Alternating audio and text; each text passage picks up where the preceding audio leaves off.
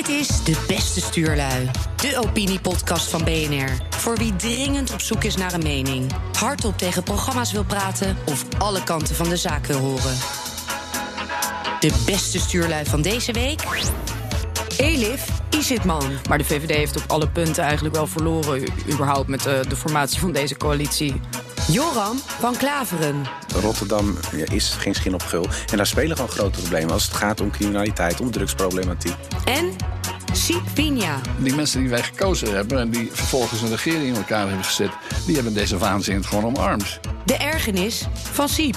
Mijn stelling van de week, niet zozeer mijn ergernis, misschien zelf tot mijn tevredenheid, luidt dat de wetenschap eindelijk stelling durft te nemen tegen het klimaatbeleid. We hebben natuurlijk eindeloos moeten aanhoren dat de, eh, de ellende van het klimaat en klimaatverandering en de opwarming van de aarde en van de atmosfeer, eh, dat dat eh, is vastgesteld door 97% of daaromtrent van de wetenschappers.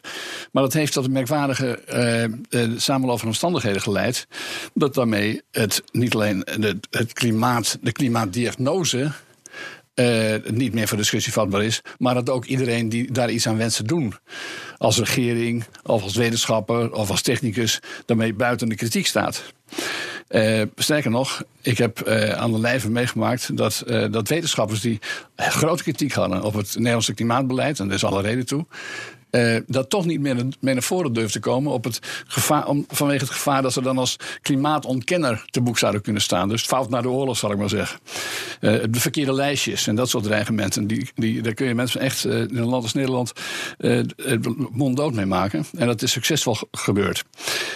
ik constateer dat dat de laatste maanden, misschien zelfs de laatste weken, er een kanteling gaande is. En die kanteling bestaat eruit dat steeds meer wetenschappers bereid zijn om de grootste onzin, elementen in ieder geval uit het Nederlandse klimaatbeleid, om die aan de orde te stellen. En uh, ik, ik, zou er zo tien voorbeelden van kunnen noemen, maar laten we het beperken tot een paar.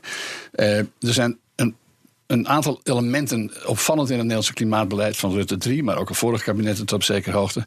Uh, dat is één, het, wat ik het gasverbod noem, dus het verplicht afsluiten van woningen en bedrijven van het gasnet. En een tweede element is uh, het CCS, dus het onder de zeebodem stoppen uh, van CO2. Dat zou een oplossing zijn. Een derde element is uh, de biogas, sorry, de biomassa heet het geloof ik, dus de houtstook, zoals ik het liever noem, die als oplossing wordt gezien voor het klimaat. Er zijn meer voorbeelden te geven. Laat ik beginnen dus met dat gasverbod. Je ziet uh, nu de laatste weken en maanden dat steeds meer mensen bereid zijn om te zeggen dat het onzin is. Een van de uh, of dat in ieder geval bezwaren met zich meebrengt of geen oplossing is. Het valt natuurlijk extra op, omdat het gasverbod in Nederland daarin alleen staat. Dat geldt trouwens ook voor de houtstook en dat geldt ook voor de CCS, dus onder de zeebodemstoppen van, van uh, CO2. Uh, en er zijn dus wetenschappers, je een maand geleden was, was er mevrouw uh, met mevrouw wiens naam, ik nu even niet, uh, mij niet te binnen schiet, maar die, is, uh, die zit in de Koninklijke Academie van Wetenschappen, is ecoloog. En die is samen met een hele groep Europese wetenschappers gezegd: biomassa, houtstook, hou ermee op. Het is niet alleen buitengewoon niet goed voor het klimaat, het is slecht voor het klimaat. Je krijgt meer CO2 van, het is ook slecht voor het milieu, het is slecht voor de natuur. En dat was eindeloos was dat geen punt van discussie. Dat mocht niet gezegd worden of dan was je, zat je in een foute rijtje. Um, en wat je ook deze maand zag, is dat er 10 GGD's, dus het zijn medicijnen, mensen, het gezondheidswetenschappers, die zeggen ja, uh, en die houtstook, maar ook die windmolens. En wat dacht je van een warmtepompen? Het is slecht voor de gezondheid. Althans, dat is een serieus risico voor dit type klimaatbeleid. um, nou, zo kan ik een tijdje doorgaan. Dat ga ik zo meteen misschien nog doen. Ja, ja ik, ik woon toevallig zelf in Flevoland. Dus we hebben veel, veelvuldig te maken met, uh, met windmolens. En je hoort inderdaad weinig in die landelijke discussie over problematiek als het gaat om gehoor. Je hebt heel veel boeren, die, uh, en die sprak ik desnoods, want ik heb een tijdje in Provinciaal Staten gezeten daar natuurlijk ook. Uh, dat mensen daar echt over klagen. Dat mensen zoomgeluiden worden. Mensen gek werden ook van de schaduw die constant langs. Ook dieren die daar stress van ondervinden. En er liggen talloze rapporten uh, waar dat ook uit blijkt. Het is gewoon, dat is geen uh, klimaatontkenner of iemand die het fantastisch vindt dat er iets gedaan wordt aan uh, klimaatverandering. Maar het zijn gewoon eigenlijk objectieve rapporten die aangeven dat er, ja, dat er problemen bestaan. Onder andere dus door, door windmolens te plaatsen. En dit waren dan nog relatief klein. Je hebt op, op Urk heb je eigenlijk een soort ijzeren gordijn gekregen in het water.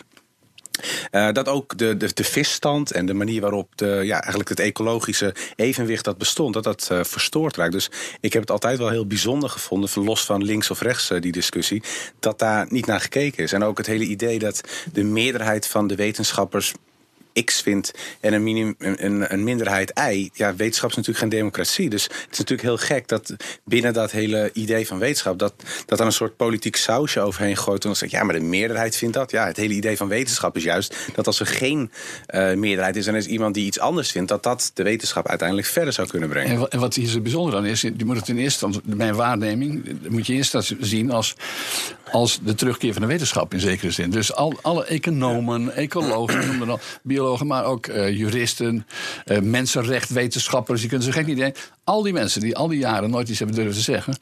Uh, en trouwens, kranten die er ook geen aandacht besteden. Dus media, de NPO überhaupt. Never, hè? Dat is, in dat opzicht was het al een kleine revolutie toen. Uh, waar wij nu hier spreken op uh, donderdagavond, ik geloof woensdagavond, voor het allereerst de NOS, het NOS-journaal aandacht besteden aan het feit dat biomassa niet goed is. Dus houtstook niet goed is voor het klimaat. Ja. Uh, een van de interessantste elementen ervan, uh, van deze ontwikkeling, die ik denk te bespeuren, is dat al die wetenschappers die zich niet tot de groep van de klimatologen rekent, rekenen en die altijd de hele tijd, dus jarenlang, uh, de mond is gesnoerd of zich mondgesnoerd voelden, nu bereid zijn om uit de kast te komen. Wat denk jij dat dan de, de reden is zeg maar, van het, het momentum, zeg maar? Uh, een, een, reden. Nou ik, ik, ik, ik, concentreer nu op de Nederlandse situatie. Het gaat ook over het Nederlandse klimaatbeleid. Dat, uh, dat bevat, ook een extreem aantal gekkigheden. Uh, en we zitten nu ongeveer in een fase dat, dat alle poldergedoe. Dus we zeggen Greenpeace en Shell en het kabinet zijn het nu eens. En het lijkt dan net als dat een akkoord is dat er een oplossing is. En nu komt naar voren dat al die afspraken die ze hebben gemaakt gewoon onhaalbaar zijn. dus dat gasverbod bijvoorbeeld, het afsluiten van de huizen en, en dus woningen en, de, en gebouwen en industriële kleine bedrijven ook. Ja, dat gaat gewoon honderden miljarden kosten. Uh, en er is geen enkele reden voor. Dus de, als je veel geld kwijt bent voor iets dat zichtbaar, wat overduidelijk niets oplost en met eerder problemen veroorzaakt, ja, dan kun je eindeloos afspreken in regeerakkoorden of in klimaatakkoorden of energieakkoorden. Ja. Maar als, als de mensen het zelf moeten gaan betalen, dan krijg je de weerstand. Maar de reden dat het, uh, dat het beleid zo snel is geformuleerd, dat is dat wat daarachter ligt, is natuurlijk dat, weet je, dat apocalyptische denken over het klimaat. Uh, waardoor het onderwerp zelf ook best wel gepolitiseerd is. Dus valt het in, in die zin de uh, het kabinet eigenlijk aan te rekenen dat ze zo snel, wat jij zegt, eigenlijk te gehaast dat beleid hebben geformuleerd zonder andere factoren mee te nemen. Ja, dat apocalyptisch idee. Dat is natuurlijk niet specifiek aan Nederland. Dat is nee. quasi wereldwijd, hoewel wel iets meer in, in het Westen en iets meer in protestantse landen en katholieke landen. Even meteen maar even bij. Uh, dat zal hier en daar aan tafel herkend worden, stel ik me zo voor.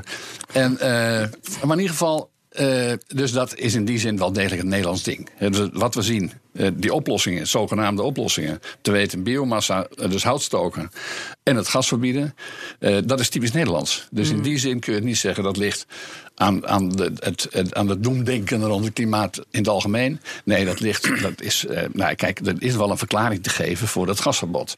Namelijk een emotionele verklaring. Het is klimaatbeleid in Nederland is emo, emo, emo-beleid, emotiebeleid. Mm. En en er zijn dus handige jongens geweest van Milieudefensie, die hebben een relatie gelegd tussen uh, de aardbevingen in Groningen en, en gas als energiedrager. Mm. Onder het motto: als we aan de hand van Groningen, de aardbeving in Groningen, deze vreselijke fossiele spullen een slechte naam kunnen bezorgen, dan zullen we dat niet nalaten. Dat staat gewoon in een jaarverslag. Hè? Ik heb het, kunnen het bijna niet voorstellen. In die bewoording ook. Zo ongeveer. Ze hebben er extreem succes mee gehad, kun je zeggen. Omdat mensen niet in staat zijn om het verschil te maken. Dus de, de, de, en maar het meest wonderlijk is natuurlijk dat wij een vertegenwoordiging, eh, een vertegenwoordigende democratie hebben. Dus je mag onder het motto dat je kiest mensen die ergens verstand van hebben, die misschien wat meer, hè, wat meer bagage hebben dan de gemiddelde Nederlander. En toen hebben we ook de referendum afgeschaft om dat type reden. Maar dat, die mensen die wij gekozen hebben en die vervolgens een regering in elkaar hebben gezet, die hebben deze waanzin gewoon omarmd. Ja. En het is nog steeds, wordt dat niet. Een kleine anekdote: Paul Scheffer, die is, die, die is nu hoogleraar en publicist in, de, hoogleraar in Tilburg, heeft een column in NRC Handelsblad. En die vertelde daar terloops dat hij uh, genoot was bij een uh, regeringsfractie. Een fractie dus die het regeerakkoord en weet ik veel wat heeft onderschreven. Ik weet niet welke het is, een van de vier dus. En die vertelde dat hij daar de vraag had voorgelegd. Ja, hoe dat nou eigenlijk komt dat in de hele wereld gas, aardgas gezien wordt als een oplossing voor het klimaatprobleem. Dat ook alle landen om ons heen het, uh, het gas uh, gaan, gaan invoeren uh, om dit type reden. En dus subsidiëren zelfs. Terwijl het in Nederland was verboden en beboet. Mm -hmm. En zijn, hij schreef daar vervolgens in zijn column: hij zei: Er was niemand die daar een antwoord op kon of wilde geven. Moet je nagaan, dit is het, aller, dit is het centrale element in het, in het klimaatbeleid ongeveer ik heel vreemd heb gevonden altijd... Ik, ik snap dat bijvoorbeeld een partij als uh, de ChristenUnie... toch een beetje een linksig karakter heeft. Ook ten aanzien van milieu, misschien ja. D66 ook nog. Maar bijvoorbeeld dat de VVD en ook het CDA... dat die daar zo in mee zijn gegaan. Ik bedoel, het is een, van oudsher een boerenpartij. Ja. VVD zijn ondernemers. Over het algemeen relatief nuchter te noemen... ten opzichte van andere ja. partijen. Dat je daar zo makkelijk in mee bent gegaan. Ja, nou ja wat, wat, een, wat mijn theorie is ook deels achter, achter wat jij zegt over de VVD... is tot wel innovatiedrang van Nederland. En dat er ergens misschien ook wel een hoop in zat... om een soort voorbeeld te stellen op het gebied van klimaat. Uh, wat wellicht niet uh, diep genoeg is onderzocht of het ook daadwerkelijk werkt. Want... Mm, ik, ik heb een variant daarop. Ja. Uh, en die luidt dat de VVD, althans de huidige leider van de VVD, en die is palend in deze, Mark Rutte is natuurlijk de totale vleesgeworden opportunist. dus die kan er niet zo gek van schelen. hij, is, hij is ooit, zijn eerste kabinet, is hij begonnen met dat, uh, dat bij dat regeerakkoord wat hij onder handen had, rechts Nederland de vingers af zou likken. Daarna is hij met de PvdA gaan regeren, nu is net zo makkelijk. Hij heeft in feite, zou je kunnen zeggen, dat op klimaatbeleid heeft hij het, uh, het regeerakkoord laten schrijven de GroenLinks. Althans, ja. door die partijen. In feite door Milieudefensie en Greenpeace, kun je zeggen. Die, die, die formuleren het programma van GroenLinks omdat D66 bang is voor GroenLinks, heeft D66 dat helemaal overgenomen. Inclusief alle innovatiekansen die dat, die, die dat zou bieden. Wat de VVD inderdaad ook graag hoort. En vervolgens. Uh, heeft, hij dat, uh, heeft Rutte dat net zo makkelijk omarmd als een volgende doelstelling. Waarom? Omdat hij meer hecht aan het aan het plus, als het ware. het, de, de, de stoel is het doel, zou ik maar zeggen. Als je daarvoor een akkoord nodig hebt. En let wel, er kan nog, komt nog een, een cynisch elementje bij. En dat luidt, als je doelstelling hebt voor 2030 of zelfs voor 2050... en je kunt op basis daarvan een partij als D66 zoet krijgen... dan doe je ondertussen beleid dat telt voor de komende twee, drie jaar. Ja. Ja, dat zijn ze bijvoorbeeld nu in Wenen, in Oostenrijk, uh, speelt hetzelfde. Daar moeten, ze, uh, daar moeten ze misschien gaan regeren met voor het eerst met de, met de groenen. Ik, heb al, ik was toevallig in Oostenrijk toen de verkiezingen waren. En ik testte dat idee. En dat ze dachten dat het daar ook wel goed denkbaar was. Dat de groenen een lange termijn doelstelling op punt van klimaat zouden krijgen. Zodat de, de, de, de, de, de pragmatische uh, regeerders van het VVD-type gewoon het beleid van de komende twee jaar kon conducteren. Gewoon, ja. Maar de VVD heeft op alle punten eigenlijk wel verloren, überhaupt met de, de formatie van deze coalitie. Dus ja. ik, ik kan niet één punt bedenken waarbij je zou denken van dat hebben ze, ze hebben het klimaat als wisselgeld gebruikt om een ander punt doorheen te doen. Nou ja, ze hebben er één ding binnengehaald, dat was de afschaffing van de dividendbelasting. Oh ja. ja. En dat is een veel van de eerste orde natuurlijk. Veel, veel, veel, zou ik willen zeggen. Dus het enige wat de VVD heeft binnengehaald is uh, er zitten. En het is natuurlijk wel zo, dat zeker in een land als Nederland, dat als je ergens zit, dat, uh, en zeker in een land waarvan, laten we zeggen, de, de wetgevende macht en de uitvoerende macht niet heel scherp gescheiden zijn, uh, dat, de, dat de regering heel veel heeft om, terwijl men daar zit, het kabinet, terwijl men er zit, gewoon invloed uit te oefenen, eh, ook dwars door de Tweede Kamer heen. Dus onder dat motto kun je zeggen, het regeerakkoord, we zetten er van alles in en ondertussen doen waar we zin in hebben. Ja, maar denk jij dat met uh, die gezondheidsaspecten die, die nu inderdaad een beetje boven komen drijven, denk je dat daar überhaupt over na is gedacht? Of nee. dat er, nee, hè? Nee, kijk, er hangt zo'n gigantische morele saus overheen in een toch een moralistisch land als Nederland. Eh, vandaar dat ze ook in Flevoland waarschijnlijk eh, iedereen last had van, van de, de slagschaduw, slagschaduwen van die, van die windmolens. Ja, die durft er nou iets aan te zeggen. Of wordt dat immoreel verklaard? van het grotere idee van de ondergang van de aarde, daar kun je niet tegenop als je last hebt. Ja, maar het is, ik vind dat wel interessant, want als het gaat over bijvoorbeeld uh, 5G-verbindingen of wifi, dan ja. wordt dat aspect er altijd bij gehaald. Maar Zeker. hierbij heeft het dan dus een beetje een, nee, een smerig Want het tegengaan klimaatverandering is, is, de, is de, staat helemaal bovenaan aan de, op de morele top 10. Ja. En, en, je moet dus vreselijk oppassen. Uh, misschien heb ik eens een aardige anekdote in dit geval, een klein nieuwtje ook. Ik heb uh, een rapport gepubliceerd op mijn website uh, uh, over de situatie in Purmerend. Purmerend is een heel interessant geval, omdat al driekwart van Purmerend van de woningen zit daar aan, de, aan, de, wat het, aan, aan de warmtenet. En dat warmtenet wordt gestookt met hout. moet je weten. Dus heel Purmerend wordt gestookt door het hout. Dan willen ze ook het laatste kwart er nog afhalen. Die mensen moeten, die moeten dus quasi verplicht. Ook aan, de, aan het warmtenet van de gemeente, maar nogmaals, een uh, door, met hout gestookte warmtenet. En dit gaat onder het motto dat Purmerend klimaatkampioen van Nederland wil worden. In die zin ook dat ze als eerste van het gas af zijn in 2030 of zo, geloof ik. Um, er zijn zelfs meer gemeenten die dat willen. Heel merkwaardige wedstrijdjes heb je op dat vlak. Maar goed, er is een, een zeer ingewijde uh, persoon, zal ik hem noemen, zeer ervaren. Uh, die meldde zich bij mij, naar aanleiding van publicaties van mij erover. En die had een heel rapport geschreven. Alleen die vroeg aan mij of ik dat wilde nou, die, ja, die, dan mocht hij gebruiken, zeg maar. Uiteindelijk zeg maar, ja, waarom publiceer het niet? Of waarom geef het niet cadeau? En zo. Maar hij wilde voorkomen. Het is een, nou, ik heb al prijsgegeven dat het één persoon is en dat het een man is. Die vreesde werkelijk met zijn statuur en zijn, zijn, dat hij, dat uh, volledig buiten de salons uh, zou belanden. En dat hij met een nek aangekeken zou worden. En tot op de dag van vandaag, ik word bijna iedere dag gevraagd uh, in gemeenten in het land: van, mag ik weten van wie het rapport is en zo. En dan moet ik de betrokkenen beschermen, omdat hij, nou ja, reden ik die aangeef. Als je maar, één, maar een punt van, van kritiek hebt op het klimaatbeleid, word je meteen als klimaatontkenner neergezet, althans als risicoloopje. Ja, maar nu met, met de berichten die nu verschijnen, lijkt het erop alsof er wel een klein kantelpuntje komt. Aangezien er dus steeds meer, dat is dan in principe wel positief. In, ja, daar, daar, ja. ik ook mee. Dat, ja. is, positief te duiden. Ja. Maar ik denk dus ook uh, dat daar een praktische kant aan zit. En die praktische kant die luidt dat het gewoon onmogelijk is. Ja. Ik wil, je, als je, als je een onmogelijk, eh, als je een volkomen irrationeel gasbeleid, dat is voorbeeld weer aanhoudend, uh, dat leidt niet tot minder CO2-uitstoot, dat leidt tot meer CO2-uitstoot. Bovendien de grote bedragen. Men heeft eindeloos het planbureau van een leefomgeving en zo gevraagd om dingen uit te rekenen. Maar weet je wat die doet? Die rekent alleen uit de kosten voor de staat. Ja. ja. Wat interessant is, het is nu donderdagavond. Morgen, eh, dan komen er rapporten, zeker van het Planbureau van de Leefomgeving... en misschien ook van het Centraal Planbureau uit. Vooral het laatste ben ik erg nieuwsgierig naar. Want dat zou, eh, ook voor het Planbureau van de Leefomgeving... die zou eigenlijk ook een keer uit de kast moeten komen. Sorry, het Centraal Planbureau zou een keer wetenschappelijk uit de kast moeten komen. Want die hebben het dus gezegd: van ja, we rekenen alleen de maatschappelijke kosten. Ik bedoel, de nationale kosten, de, de kosten voor de, voor de centrale overheid. Uh, en zeiden ze erbij, dit voorjaar, en zeiden ze erbij: uh, ja, want al die kosten voor huishoudens, dus elektrische auto's, verplicht aan elektrische auto's. En het, uh, het, het af, af, van het gas en zo. Ja, dat we weten nog niet of dat wel uitvoerbaar is. Dus omdat het niet uitvoerbaar is, of niet 100% vast dat het niet uitvoerbaar is, uh, leidt dat tot de conclusie dat het niks kost. Ja. Nou, ik hoop dus dat het Centraal Planbureau deze dagen of later ook de wetenschappelijke realiteit tegemoet gaat.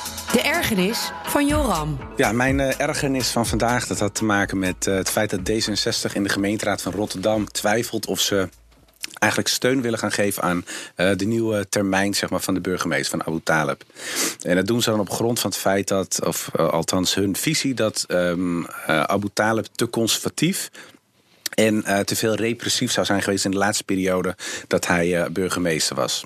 En hebben ze drie voorbeelden. Eén geeft ze aan dat er nu een uh, algemeen blootverbod zou komen in het centrum van Rotterdam. Dus er kan niet meer gebloot worden. Een tweede punt dat had te maken met het feit dat hij vindt, de burgemeester, dus dat demonstraties in de avonduren, als het gaat om gevoelige materie, dat je dat beter niet meer kunt doen. Hè. We hebben natuurlijk die clash gehad tussen Koerden en Turkse demonstranten. En dat uh, liep natuurlijk uit de hand. En op basis daarvan is gezegd, nou, er zijn in het verleden natuurlijk eerder dit soort clashes geweest. Misschien moeten we dat niet meer doen op zo'n tijdstip. Want dat uh, is donker, het geeft uh, extra risico's, et cetera. En het laatste punt van kritiek van D66 op de burgemeester hangt samen met preventief fouilleren, wat uitgebreid zou gaan worden. Nou, die drie punten, uh, dat is voor D66 is dat uh, blijkbaar aanleiding om te twijfelen of ze wel of geen uh, steun gaan geven aan zijn benoeming voor de volgende zes jaar. en ik vind dat heel erg hypocriet. A, omdat ze vanaf 2010 als D66 natuurlijk in een coalitie hebben gezeten met Leven Rotterdam.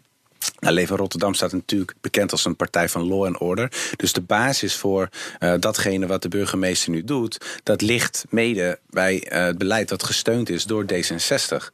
En daarnaast denk ik dat ook uh, kijkend naar de praktijk van Rotterdam dat de maatregelen die de burgemeester neemt heel erg zinnig zijn. We hebben in Rotterdam enorm veel schietpartijen gehad. De eerste periode van dit jaar zijn er meer dan 50 schietpartijen geweest... met twee uh, mensen die zijn overleden, twee doden, talloze gewonden geweest. Vorig jaar, in 2018, hebben we meer dan 70 schietpartijen gehad in Rotterdam alleen al. En tijdens acties van de politie, als het gaat om preventief fouilleren zijn er gigantisch veel boksbeugels opgehaald, messen opgehaald, maar ook uh, schietwapens. dus um, het is natuurlijk niet zo gek dat de burgemeester dan, uh, want hij gaat uiteindelijk over veiligheid, dat hij probeert die stad veilig te maken. Dus dat je dat preventief fouilleren uitbreidt daar waar het gaat om uh, mensen die dus in dit geval een, een gevaar zouden kunnen vormen. het tweede punt als het gaat om dat blowen, want veel van die geweldsdelicten, schietpartij, hangt samen met drugs. En het punt is dat hij heeft aangegeven... ik wil niet dat er in het centrum gebloot wordt. Want er was veel overlast. Nou ja, dus ik denk als je het één aanpakt... dan kun je inderdaad dat tweede punt aanpakken. Wat uh, niet heel erg onlogisch lijkt. En dat laatste, daar noemde ik net al eventjes... als het gaat om uh, demonstraties met uh, gevoelige materie... om dat niet te doen in de avonduren... lijkt me ook niet zo heel erg vreemd. Omdat we weten uit de praktijk dat dat sneller uit de hand loopt. En daarnaast is het natuurlijk ook zo... dat je minder capaciteit hebt van de politie in de avonduren. Het is minder zichtbaar. Dus al met al vind ik het A, hypocriet. Omdat ze natuurlijk de basis gelegd hebben voor het beleid. En B, omdat de praktijk uitwijst dat de maatregelen die de burgemeester wil nemen, volgens mij heel erg uh, ja, uh, logisch zijn gezien de, ja, de ellende die je hebt gehad in het verleden. Dus mijn ergernis lag vandaag bij D66. Ja, ik denk dat als je vanuit uh, politiek opzicht kijkt naar de scoringsdrift van D66, dat het feit dat ze woorden als conservatief en repressief noemen niet heel verrassend is. Dat zij zich daar op een bepaalde manier daarmee willen scoren. Uh, ik snap je ergernis, begrijp ik wel heel goed. Want als er één stad is in Nederland die, die misschien wat extra repressie nodig heeft in veiligheidsopzicht, dan is dat Rotterdam wel, denk ik. Ja. ja. Eh, kijk, er is iets merkwaardigs. Met, er zijn tal van merkwaardige dingen met D66 aan de hand. maar aan één, in één ding, kijk, dat, uh, dat ze conservatief en repressief, dat gebruiken ze ongeveer op de manier waarop de communisten ooit de kapitalisme aanvielen, zou ik maar zeggen. Ja. Dus je plakt een etiket. is heel negatief. Ja, ja dus je, maakt, je plakt ergens een etiket op en daarmee ben je het woord meteen... politiestaat viel ook al, geloof Precies, ik. nou ja, dat, het wonderbaarlijke is natuurlijk dit. Het is een, een in- en in burgerlijke partij van origine. Uh, uh, zelfs toen ze begonnen in 1966 was het een, waren het burgerlijke uh, ex-KVP-stemmers over het algemeen, ex-katholieken. Uh, en die, uh, die, die overtwijfelden of ze bij de PvdA of bij de VVD moesten. Daar kwam het eigenlijk op neer en dan, ze kwamen er niet uit. En toen hebben ze maar D66 opgericht. En onder Van Mierlo bleven ze toen hangen naar de PvdA. Maar ook Van Mierlo is nooit op deze manier links geweest. Zeg maar. Ik heb het idee dat D66 linkser wordt. Uh, dat kwam eerder al even langs. Omdat ze electoraal in de nek worden gehegen door uh, GroenLinks. Het is natuurlijk al wat langer zo. Dat, uh, dat studenten stemmen GroenLinks. En als ze een huis kopen, als ze afgestudeerd zijn een huis kopen. En een hypotheekrenteaftrek willen hebben. Dan stemmen ze, zeg maar, ruwweg gesproken. Dan stemmen ze op D66. Maar het is net of D66 nu nog meer die hang naar die, die jongere GroenLinks, GroenLinks-kiezers wil maken. Je ziet het ook bij de omarming van de identity politics. Hè. Ja. Dus, de, waarbij trouwens een centrale rol gespeeld wordt door het COC. Het COC is geradicaliseerd. Er gaat, ziet nu overal slachtoffers en zo in de wereld, ook ver buiten de homoseksualiteit. En, uh, en het lijkt alsof ook hier deze, deze lobby, de, de toonzetting bij D66 heeft veranderd. Waardoor ze nog meer 1966 zijn geworden dan ze 1966 waren. Eh, dus, want laten we wel zijn, het idee dat, dat drugs en een soort hippie-achtige uitstraling heeft, dat heeft iedereen vergeten. Ja. Daar is iedereen wel achter dat het niet zo is. Alleen met D66 denken ze er anders over. Ja. Ja. Ja, ja ik, mijn ergernis over D66 die, uh, die, die groeit wel eigenlijk met de week. Ik, ik, ben vroeger, ik heb vroeger op die partij gestemd. Ik ben zelfs lid geweest. Alleen, ik vind inderdaad wat... Ja, maar ja. Je geloofwaardigheid van je verklaring neemt daardoor wel toe. Ja, nou, ik, dat, ik zet het ook heel, uh, heel strategisch in. Maar um, nee, want het, inderdaad wat jij ook zegt... de omarming van uh, symboolpolitiek eigenlijk. Dat is wat ze continu doen. Ik vond ook wat vorige week gebeurde met Rob Jetten... dat hij dan een hele spannende persverklaring uitdoet over. En dat het dan uiteindelijk is: ik zet mijn bril af. Dan denk ik, ja. Dit is, dit is echt zo symptomatisch van alles wat, wat deze partij doet de afgelopen tijd. Het gaat alleen maar om, om heel goedkoop persmomentjes pakken. Inderdaad, uh, het, het omarmen de hele tijd van de hele tijd dwepen met de homoseksualiteit van Rob Jetten. En echt En tal van andere partijleden ook. Ja, precies. En dat, dat is iets wat me echt gruwelijk ergert aan die partij. En dit, ik vind dit eigenlijk ook wel een voorbeeld ervan. Dus het wordt aangevallen op inderdaad waarden die haak staan, zogenaamd op wat D66 vindt. En dat is volgens mij de hele reden waarom dit nu op deze manier wordt geframed. Zo. Ja, ja. Met, met als historisch bijzonderheid natuurlijk dat, eh, dat Abu Taleb eerder problemen heeft gehad eh, bij het eh, worden van burgemeester in Rotterdam. Dat was namelijk toen hij werd hij aangevallen, quasi toch, door Leefbaar Rotterdam. Dus de andere kant van het politieke Ja. spectrum. En toen, omdat, niet omdat hij te conservatief eh, zou zijn of omdat hij te repressief zou zijn, maar omdat hij moslim was, geloof ik ook, dacht ik. En, uit. te links. Dus Sorry? het is wel en te links. Dus het is wel. Ja, ja, ja, ja, volgens ja, mij, ja. Als, je, als je een burgemeester bent, is de bedoeling dat je een beetje boven de partijen acteert. Ja. Dus in dat opzicht, ja, volgens mij bewijst zeg maar de spanning dan enerzijds links D66 en aan de andere kant eh, leefbaar dat je je werk eh, naar behoren doet. Ja, maar ergens heeft dus Abu Talib kennelijk zeker in de ogen van, eh, van D66 een reis door het eh, politieke menu gemaakt. Eh, in die zin dat hij veel te dicht bij de leefbare is terechtgekomen. Moet ik begrijpen, de- het- hun wereldbeeld, hè? Dat- of hun aangepaste wereldbeeld. Zo zeggen. lijkt het. Maar ik denk dat je als burgemeester best wel kan shoppen in, in het politieke menu. Dat je op het ene onderwerp vrij rechts in dit geval kan acteren en in het andere, onder- andere onderwerp niet. En laten we niet vergeten, burgemeesters die gaan echt niet over heel veel dingen. Eh, die gaan vooral om de openbare orde en veiligheid. Ja. Dus eh, juist als, hij, als een burgemeester zich op dat vlak niet, e- vlak niet eens profileert, eh, dan is het natuurlijk Ja.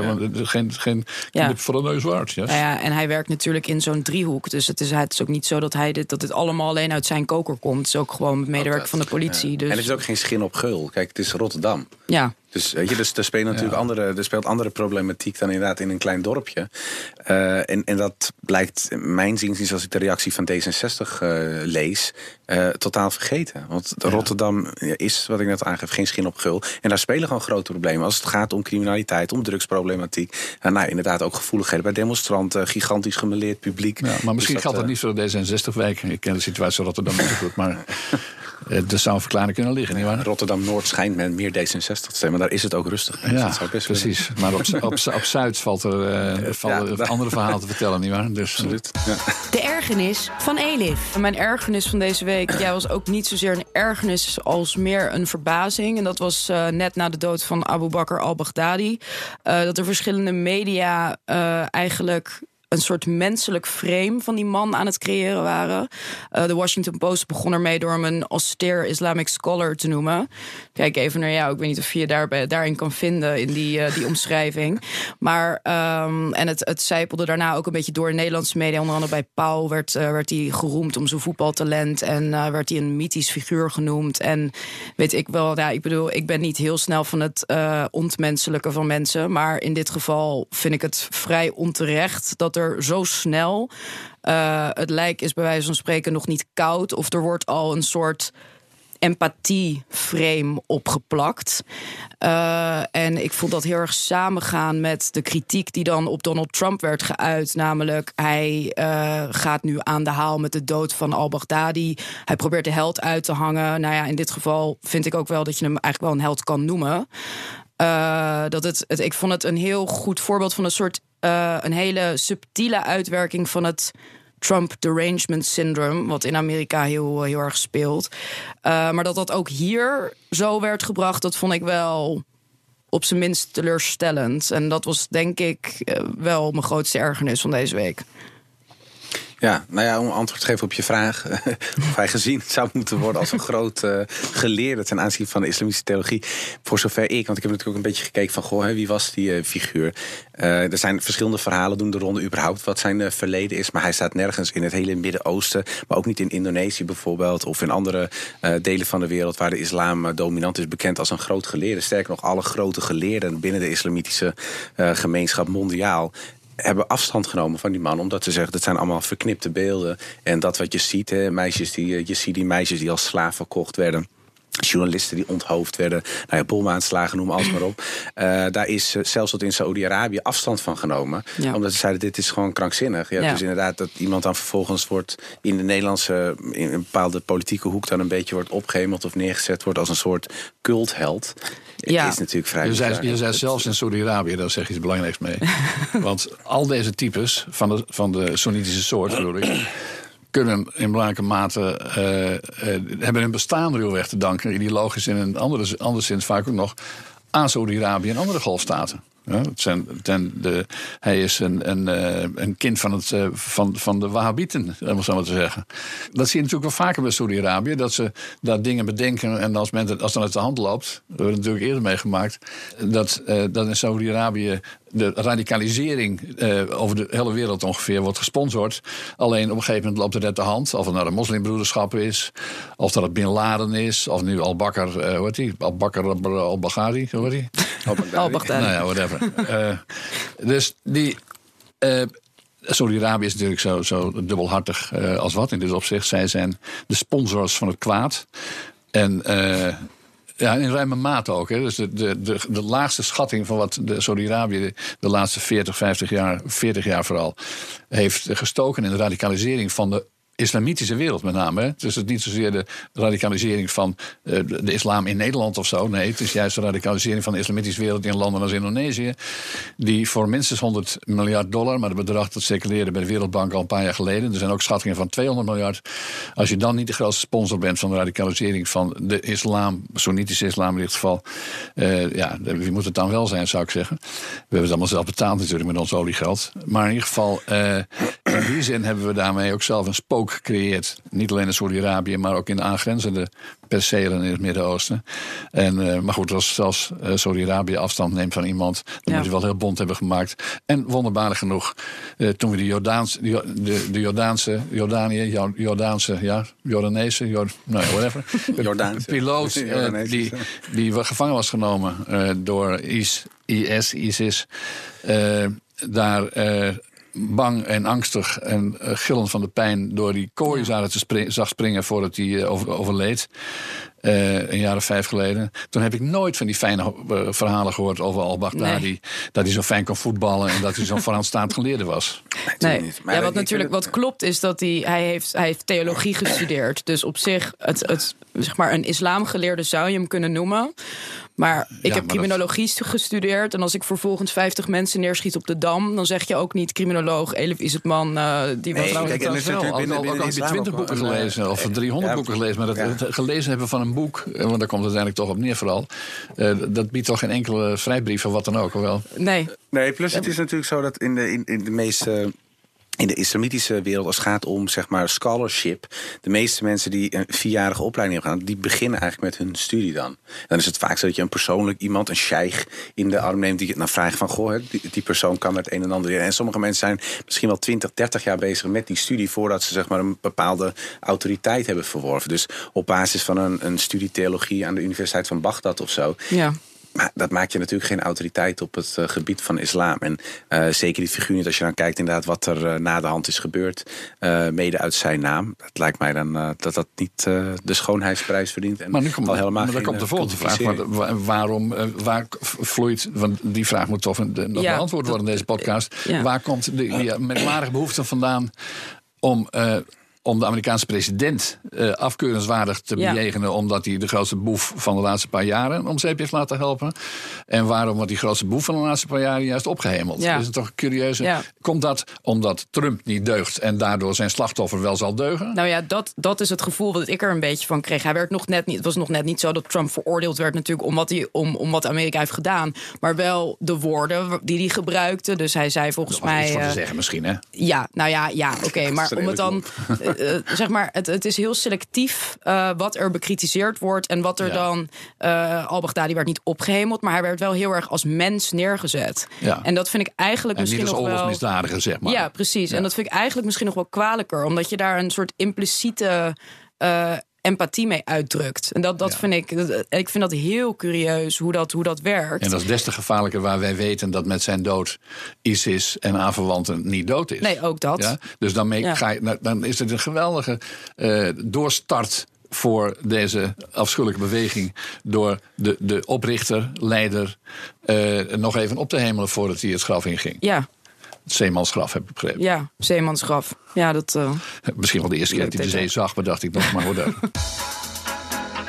Maar ik vind het ook wel opvallend hoor. Dat als je kijkt zeg maar, naar de, als het gaat om uh, theologische discussies in Nederland, voor zover die er überhaupt zijn, zeker in, uh, uh, over de islam. Het is maar vaker van hè, de islam is eng, of het is een totalitaire ideologie, of het is een en al ellende. Dat weet ik uit ervaring natuurlijk, omdat ik dat jaren gedaan heb. Alleen de inhoudelijke discussie over specifieke elementen van het, de godsdienst zelf, die, die wordt hier eigenlijk niet gevoerd. En als je dan kijkt naar discussies, ook gewoon op televisie in het Midden-Oosten, zeg maar hun Nederland 1, 2 en 3 gaat heel stevig aan toe. En inderdaad, mede als het gaat om bepaalde stromingen binnen het Wahhabisme, dat wordt snoeihard aangepakt. Maar in Nederland is die hele discussie er niet. Of het is de hele islam. Of we hebben het niet over ik, ik ben, ik ben, daar, ik, ik, ben eh, daar vrij simpel in, in die zin. Uh, uh, en dan niet eens omdat ik geen twee boeken heb gelezen, want ik heb vrij veel boeken over dit thema ook gelezen. maar je hoeft geen geen, net als over het klimaat trouwens, je hoeft geen discussie ten gronde te voeren over, over de islam. Om te weten dat er hele bedenkelijke, wat zeg ik, agressieve en uh, af te wijzen bewegingen zijn. Waarvan dat uh, de, de, door de Saudis gesponsorde bewegingen evident zijn. en dat de Saudis er nu aan wisselen van, van favoriet, omdat ze last krijgen van de vorige, dat, uh, dat is een andere zaak. Maar, uh, maar goed, de, de, vraag of de islam als zodanig een kwalijke business is, het even plat formuleren. Uh, die vraag hoeven we niet te beantwoorden om de eenvoudige reden dat we hebben al genoeg werk aan die bewegingen die ze beroepen op, op de islam en zeker kwaadaardig zijn. Ja, maar ik denk wel dat het ermee samenhangt. Omdat wat je gewoon ziet is dat wanneer inderdaad een terreurorganisatie een, een, een aanval pleegt, worden mensen afgeslacht, uh, meisjes worden tot slaaf gemaakt, dan wordt er vaak gesteld. Dat is de islam. Dus het is natuurlijk vanuit islamitisch perspectief is het natuurlijk wel prettig om duidelijk te maken wat wel tot zeg maar uh, de, de ik, kaders ik denk dat je ook je persoonlijke geschiedenis hier aan het schetsen bent, geloof ik. Hè? Dat je eerst bij nou ja, een partij zat die, nou ja, die, die de islam als zodanig afkeurde. En dat je ja, nu... maar dat merk je nu. Dat hele, dat, de, de PV is in dat opzicht natuurlijk redelijk succesvol geweest. Omdat uh, als er gesproken wordt in de media over terreur, dan is het 9 van de 10 keer gaat het natuurlijk over de islam in zijn totaliteit. Er wordt zelden gezegd, nou we hebben het hier over uh, die club of die stroming. En dat is natuurlijk wel relevant, zeg maar, als het gaat om uh, het frame. Ja, maar hetzelfde geldt natuurlijk ook voor de, de positieve framing van de islam, die ook gewoon eigenlijk 9 van de, nee, meer dan 9 van de 10 keer ook door als je ja, niet-moslims, uh, de niet-moslims die de islam op het schild hijsen, zeg maar, in Nederland. Ja, gereformeerde vaak, hè, overigens. Ja, nou ja, en hele Nu doe je het wel, gereven. Je zegt niet christenen. Nee, ik zeg wel eens gereformeerd. Ja, nee, maar dat bedoel ik. Dus, dus dat onderscheid... Er bestaat verschil tussen katholieken en, en, en, en orthodox gereformeerd. Nou, niet orthodoxe links gereformeerd. Nee, maar ik bedoel, wat je doet, en dat is logisch. Uh, je, je maakt meteen die splitsing. Je stelt niet, dat doen christenen. Nee. Je zegt gereformeerde. Dus dat vind ik ook. Als, we dat, als je dat consequent zou toepassen, dan zou je dus ook stellen: nou, er zijn bijvoorbeeld, hè, uh, weet ik veel, extremisten of wahhabis of hoe je het ook Ja, we generaliseren, dat heet het woord. Hè. Dus generaliseren, ja, dat, dat doet, natuurlijk... doet, meestal eh, de, de werkelijkheid uh, onrecht. En dat geldt natuurlijk in menig opzicht, ja. Ja, dus en ik denk dat dat uh, als het gaat om het verder brengen van het debat, dat dat misschien, uh, ja, dat zou denk ik wel goed zijn als dat minder gebeurt. Maar welk debat denk je dan aan dit geval? Nou, over het islamdebat in Nederland. Van, hè, is maar wat het, is, dat dan, het islamdebat? Nou ja, ik denk dat je het islamdebat in Nederland op dit moment uh, terug ziet komen op verschillende, op verschillende vlakken. Bijvoorbeeld het bijzonder onderwijs staat heel erg onder druk, omdat je natuurlijk misstanden ziet bij een aantal scholen. Ja. Vaak informeel. Dus het is niet eens een islamitische school. Het zijn vaak uh, moskeeën of het zijn zelfs huiskamerbijeenkomsten. Ja, ja, en daar wordt dan vervolgens een, een, discussie over gevoerd in de Tweede Kamer. En dat mm. kan natuurlijk op lange termijn ook zijn impact hebben op de wetgeving. Dus ik denk dat dat wel heel erg relevant is om dat uh, op een goede manier vorm te geven. En dat gebeurt denk ik nu uh, niet. Ja, ik weet alleen niet zeker of het, het islamdebat moet noemen. Maar dat bespreken nou we de volgende keer wellicht. Ja, nee, maar het, het, raakt natuurlijk aan de islam. Want als het gaat over uh, veiligheid, als het gaat om, uh, ik noem maar wat in de, in de brede zin, niqabverbod. Uh, als het gaat om besnijdenis van jongens, wat in de toekomst wellicht nog een discussie gaat worden. Als het gaat om ritueel slachten, dat raakt natuurlijk allemaal aan de islam. Want die discussie of was ook aan de islam, of niet uitsluitend aan de islam. Nee, klopt. Alleen je hebt natuurlijk in het verleden is die discussie over ritueel slachten is natuurlijk niet gevoerd. In ieder geval niet uh, na nou ja, Die discussie is niet, die is niet afgerond, omdat niet per se omdat het islamitisch vertoog uh, doorklonk, als wel omdat het Joodse ja, dat uh, vertoog. Ja, daarom. Maar dat was voorheen was dat natuurlijk niet zo'n element wat. En het is natuurlijk historisch, laggevoelig, et cetera. Dus dat is niet gebeurd. Hetzelfde geldt met, met bijzonder onderwijs. Er zijn talloze misstanden geweest op christelijke scholen, ook op Joodse scholen, ook op Hindoe scholen overigens dat was toen niet echt een issue om te zeggen... we gaan moeten artikel 23 aanpakken. En dat Nee, zie je nu dat- sneller en meer gebeuren. eh, Precies. Terwijl er maar 40, 50 Maar daar geldt dan weer voor zijn. dat partijen, D66 kwam al even langs, maar er zijn er veel meer, eh, die, waar altijd al een soort eh, afkeer was van het bijzonder onderwijs, omdat Zeker. om tal van ideologische of niet ideologische redenen, terwijl dit het populairste onderwijs is in het land, hè, vooral duidelijkheid. Absoluut, dus, ja. dus je gaat totaal voorbij aan wat ouders willen. Die willen dan voor twee derde hun kinderen naar een bijzonder onderwijs. Dat hoeft niet per se christelijk of wat dan ook te zijn. hè. Nee, dat- terwijl er in, bij de overheid parlementariërs een meerderheid is, of in ieder geval een serieuze eh, aantal mensen, ook bij de VVD overigens, eh, die om God maar weten wat voor, God mag weten wat voor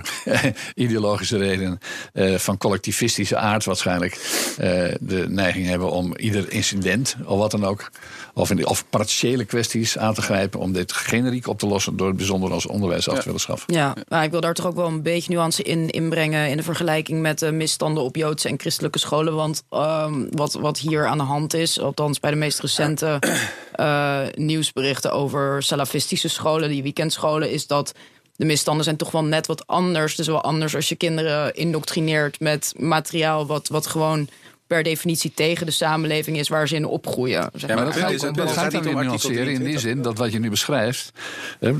steeds meer nuanceren, deze podcast. eh, wat je nu beschrijft betreft inderdaad weekendscholen. Het is En, informeel en we hadden het over het Ja, bijzonder onderwijs. is- en bijzonder klopt, onderwijs, ja. dit is, Nee, dat is dit is extreem bijzonder onderwijs in die zin dat het niet, eh, Niet- onder de, niet de- gesubsidieerd is. En niet onder de grondwet valt. Ook Nee, in die ook- zin. Het punt is ook, dan hoor je, ik, ik, ik zag die discussie met Segers en Dijkhoff bij, eh, bij Nieuwsuur. En toen werd gesteld van, nou, om, om die eh, weekendscholen dan aan te pakken, ehm, hè, zouden we eh, opnieuw moeten gaan morrelen aan eh, artikel 23. Toen dacht ik, ja, kijk, als mensen dat niet dan in een moskee doen of in een school, dan doe je dat thuis. Ik bedoel, het, het valt niet onder de onderwijsinspectie. Ja, dat is Dus waar. In dat opzicht eh, is het een discussie die hier eigenlijk eh, naast gevoerd zou moeten Ja. worden. Hoe we van Trump en eh al-Baghdadi Ja. toch, toch, toch weer bij bijzonder onderwijs belanden. Toch weer Nederlands gemaakt. Ja. Toch? Is toch mooi? Dit was weer een aflevering van De Beste Stuurlui. Een opiniepodcast van BNR. Alle afleveringen zijn terug te luisteren op bnr.nl slash podcasts, iTunes en Spotify. En hou je roer recht.